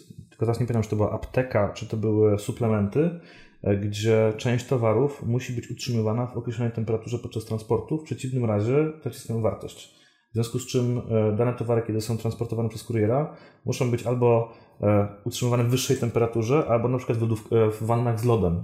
Poruszam ten temat integracji dlatego, bo z jednej strony często nasze otoczenie biznesowe wymaga od nas dokładania kolejnych metod płatności, kolejnych kurierów, kolejnych sposobów obsługi ratalnej dodatkowo. Nie wiem, jak to też y, wygląda u Ciebie. Często piękne projekty i częste, y, często te prototypy, które tworzymy, zawierające wyrafinowane i piękne zdjęcia produktów, nijak mają się do tego, no, co zostało nam dostarczone. Więc chodzi mi o to, że te integracje z zewnętrznymi systemami, które nam dostarczają dane, dostarczają nam informacje logistyczne, nie pozwalają tak naprawdę zaprojektować, zaprojektować tego idealnego systemu, a są wręcz mocnym i ostrym ograniczeniem, e, aby te budować tą doskonałą, to doskonałe doświadczenie dla klientów. No i tutaj niestety e,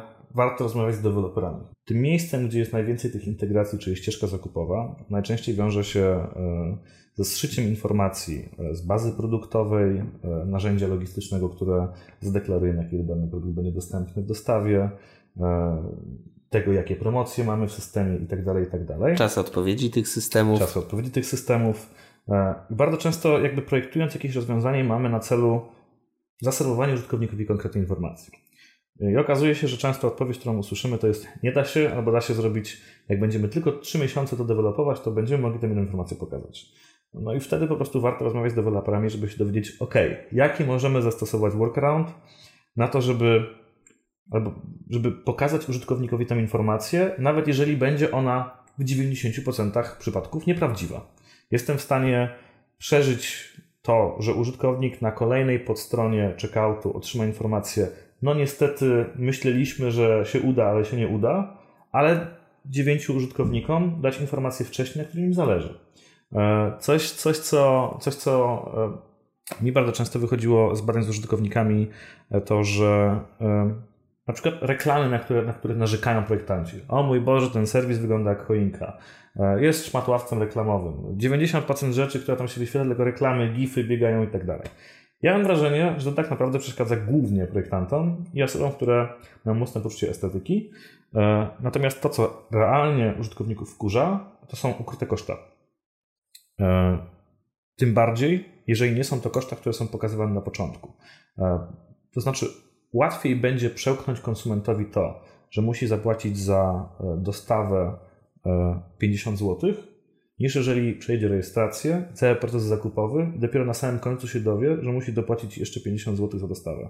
Jakby koszta, które są pokazywane upfront, nie są tak bolesne jak niespodzianki na sam koniec procesu zakupowego. Ale też powiedzmy to uczciwie, nie zawsze jesteśmy w stanie e, takie informacje przedstawić wcześniej.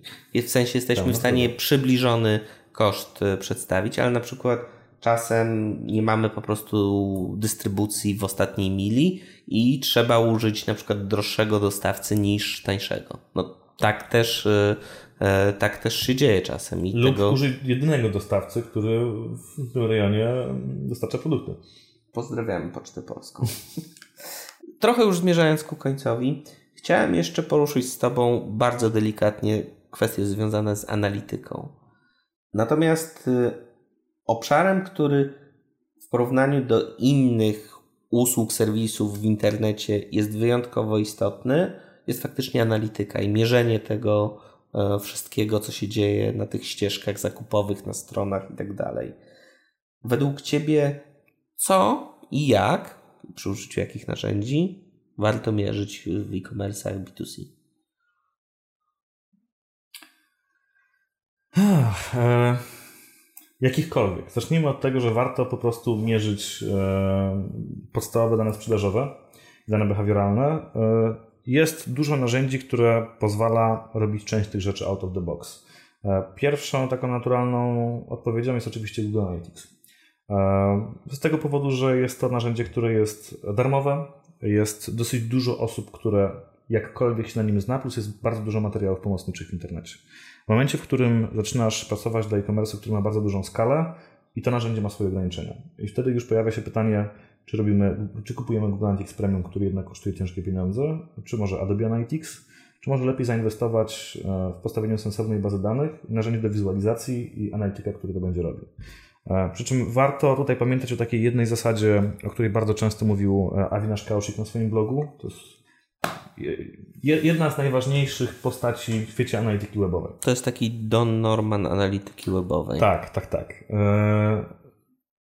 On, ma taki jeden argument, który pozwala um, częściej zdobywać budżet w ogóle na zespoły analityczne. To znaczy, budżet na analitykę w organizacji powinien wynosić 20% na narzędzia, 80% na zespół.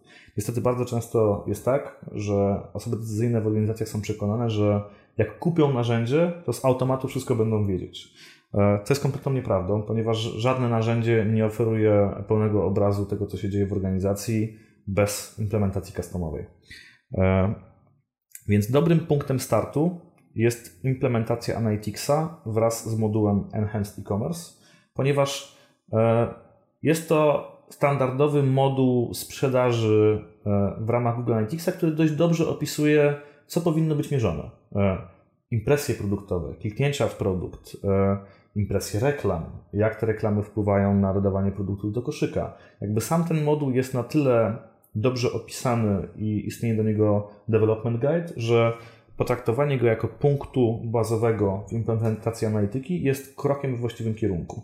Powiedziałbym wręcz, że dla wielu organizacji jest wystarczającą analityką. Warto jednak pamiętać, że przygotowując implementację narzędzi analitycznych, dobrze jest zadać sobie pytanie, jakie potrzeby dotyczące raportowania mają poszczególne silosy w organizacji. E, bo niestety, jak to bywa w przypadku większości tego typu narzędzi, one nie działają retroaktywnie. Więc jeżeli przypomni nam się bardzo, bardzo istotny insight e, dotyczący danych, których potrzebujemy 6 miesięcy po tym, jak skończyliśmy implementację narzędzia, to niestety wstać tego wniosku się często nie dowiemy. E, drugą rzeczą, o której warto pamiętać, to jest, żeby mieć przynajmniej jedno narzędzie, które w przybliżonym stopniu pokazuje podobne informacje. Po to, żeby wiedzieć, czy A, coś tam się nie wysypało, e, czy narzędzia liczą poprawnie, czy trendy, które wskazują oba narzędzia, cały czas utrzymują się w podobny sposób. Naturalną rzeczą w, w tego typu narzędziach jest, są rozbieżności. 15-30% rozbieżności to jest coś, co traktuję jako standard. E, chociażby przez to, że e, KPI, KPI-owi nierówny, e, to w jaki sposób poszczególne parametry są liczone przez te narzędzia, również nie zawsze jest taki sam. Ale co najważniejsze, pamiętajmy też o tym, że bardzo często dane, które widzimy w hurtowniach danych, to są rzeczy, na które nie mają wpływu adblocki. Niestety jest tak, że część adblocków, które występują jako pluginy do przeglądarek czy to mobilnych, czy desktopowych, całkowicie blokują narzędzia analityczne. Znaczy one po prostu, skrypty się nie odpalają. Zapewniają anonimizację. E, anonimizacja jest jeszcze czymś innym. A anonimizację w sensie odcięcie od narzędzi do analitycznych, w sensie odcinają większość JavaScriptowych rzeczy, które wpływają negatywnie na wydajność i czas działania e, tak. w no, tym, w tym żeby sensie. Podać, żeby podać też konkretny przykład, zwykły adblock e, nie wycina narzędzi analitycznych, tylko cię anonimizuje. To znaczy, że za każdym razem, kiedy będziesz wchodził na jakiś serwis, będziesz nowym użytkownikiem, tak jak w przypadku używania trybu incognito. Ale już na przykład uBlock e, powoduje, że skrypty od narzędzi analitycznych w ogóle się nie załadują, w związku z czym nie będziesz w ogóle istniał w raportach. E, chciałem jeszcze dopytać Ciebie o kwestię związaną z Analyticsem.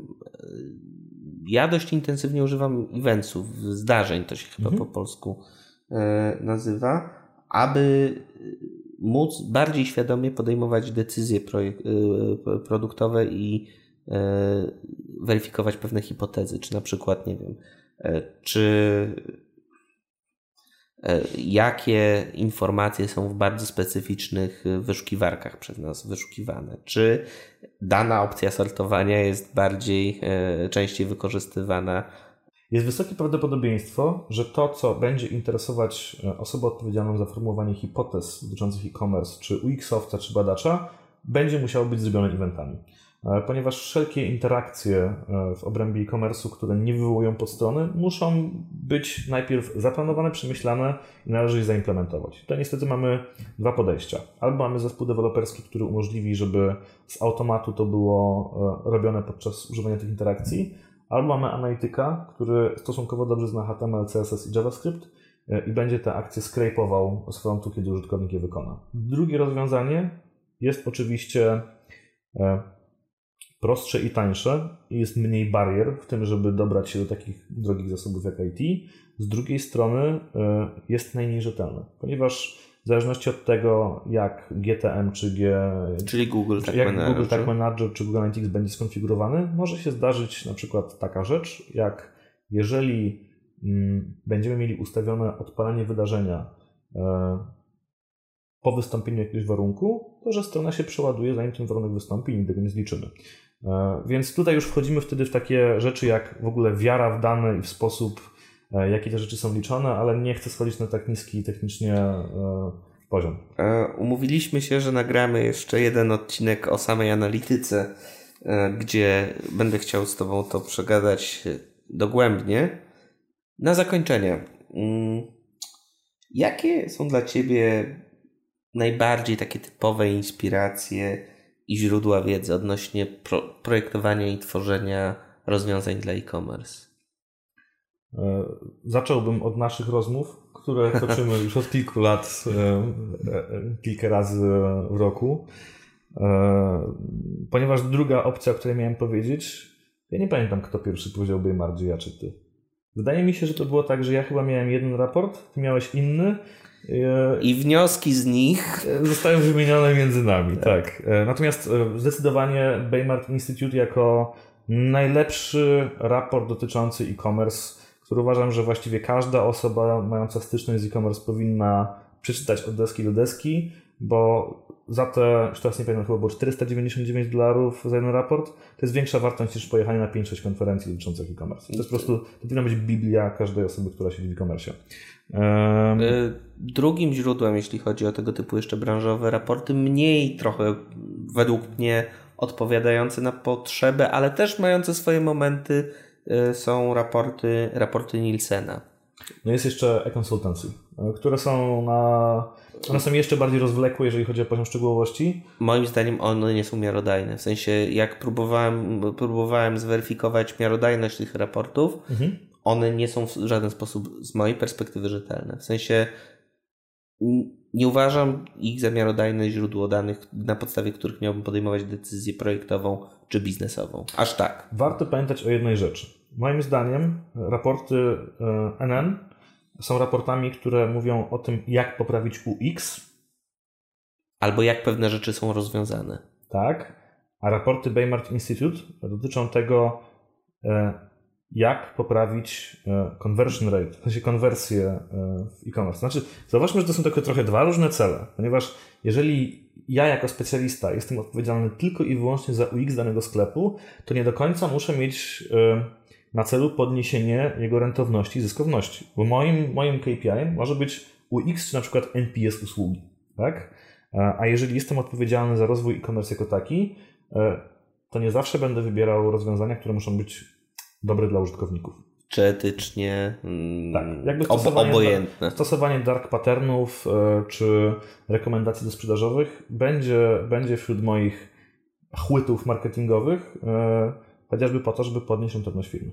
Natomiast mi się osobiście wydaje, że to jest cel bardzo krótkoterminowy, w sensie, że e, suma summarum e, łatwiej jest wygrać, e, łatwiej jest wygrać eleganckim flowem i nawet jeśli jest to droższy, jeśli jest to sprzedaż trochę droższego produktu, tak jak ma to miejsce w AOCOM na przykład, mhm czy w Amazonie, bo Amazon bardzo często nie jest wcale najtańszą opcją. Nie uważam Amazona w ogóle za wzorzec projektowy.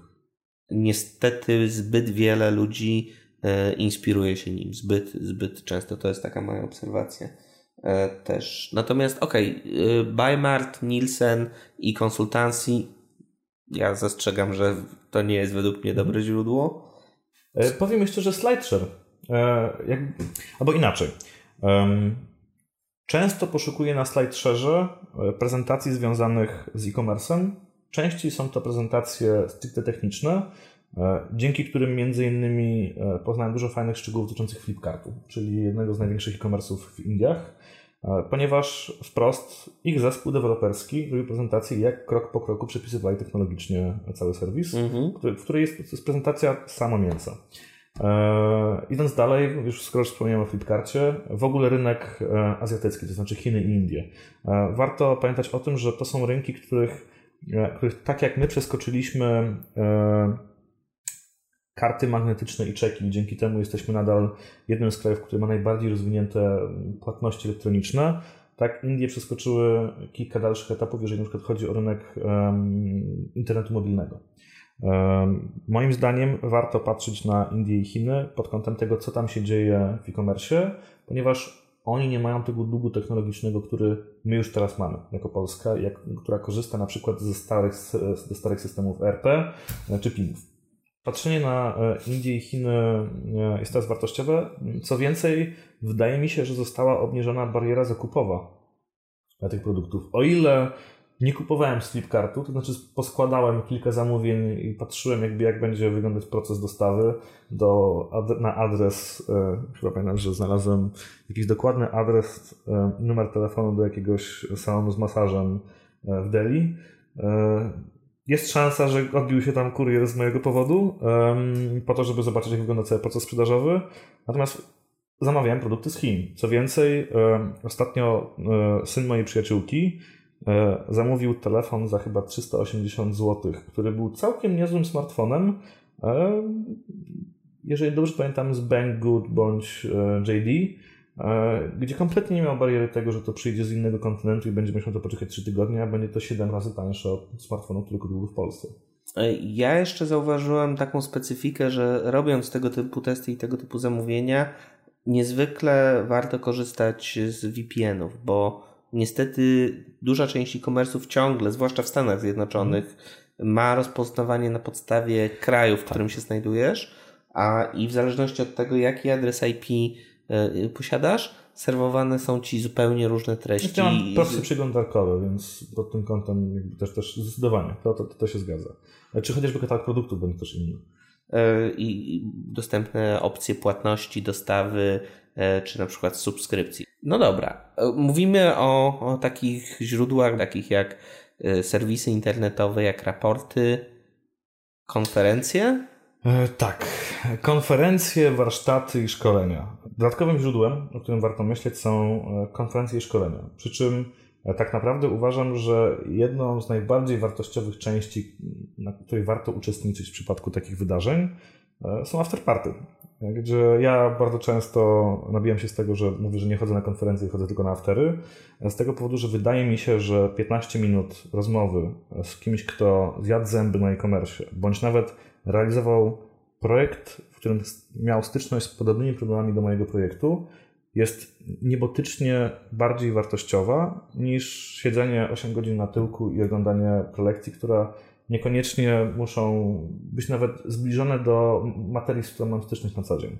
Dlatego też jakby e, kochani, jeśli chodzicie na konferencje, chodźcie na aftery, bo to tam możecie wynieść najciekawsze informacje, szczególnie jak po kilku drinkach komuś się troszeczkę rozplącza język i są rzeczy, o których nie może mówić na forum publicznym.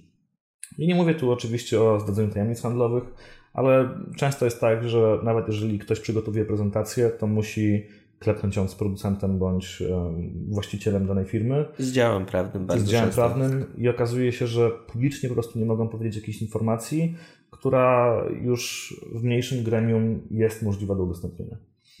Są konferencje, które tak naprawdę mają nieistniejący koszt, e, to znaczy e, chociażby Google e, organizuje kilka konferencji w ciągu roku, które są nagrywane i wrzucane na YouTube'a. Jedną z takich głównych, które mogę polecić, to jest Mobile Conversions od Google gdzie wszystkie materiały, które są przez nich nagrywane, są, znajdują się na ich kanale. Tam oczywiście znajdziecie uwielbianego wszystkich Luka Wróblewskiego, który oczywiście remiksuje już te prezentacje po raz enty, e, natomiast e, najciekawszą część, która, e, którą można obejrzeć, są zawsze pytania od publiczności, na przykład do głównych prelegentów, bo tam są problemy, z którymi oni się realnie zmagają. Więc dla mnie takie sesje QA to są tematy, które są bardzo ciekawe do obserwacji. Coś, co bym jeszcze powiedział, e, to są wszelkiego rodzaju e, barcampy e, i konferencje typu Unconference. Niestety nie miałem jeszcze okazji być na barcampie w Berlinie dotyczącym bardziej branży UX-owej, natomiast jeżeli on jest chociażby w delikatnym stopniu zbliżonym do Measure Campu w Londynie, który dotyczy analityki, to tam jest sama wartościowa treść.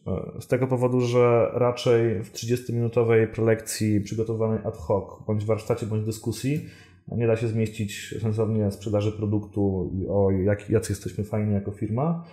Tylko pojawiają się ludzie, którzy chcą wymienić wiedzę z innymi yy, i można tam usłyszeć bardzo, bardzo ciekawe podejście do projektów bądź rozwiązań. Na polskich konferencjach analitycznych nie pojawiają się dane na konferencjach zagranicznych pojawiają się. I nie wiem, czy to nie jest jeszcze w Polsce kultura e, rękę przy orderach. Dziś moim gościem był Mateusz Waligórski. Dzięki Mateusz. Dzięki. I to już wszystko na dzisiaj. Zapis całej rozmowy, notatki do odcinka oraz słowniczek znajdziecie pod adresem nietylko.design ukośnik 027. Do usłyszenia niebawem.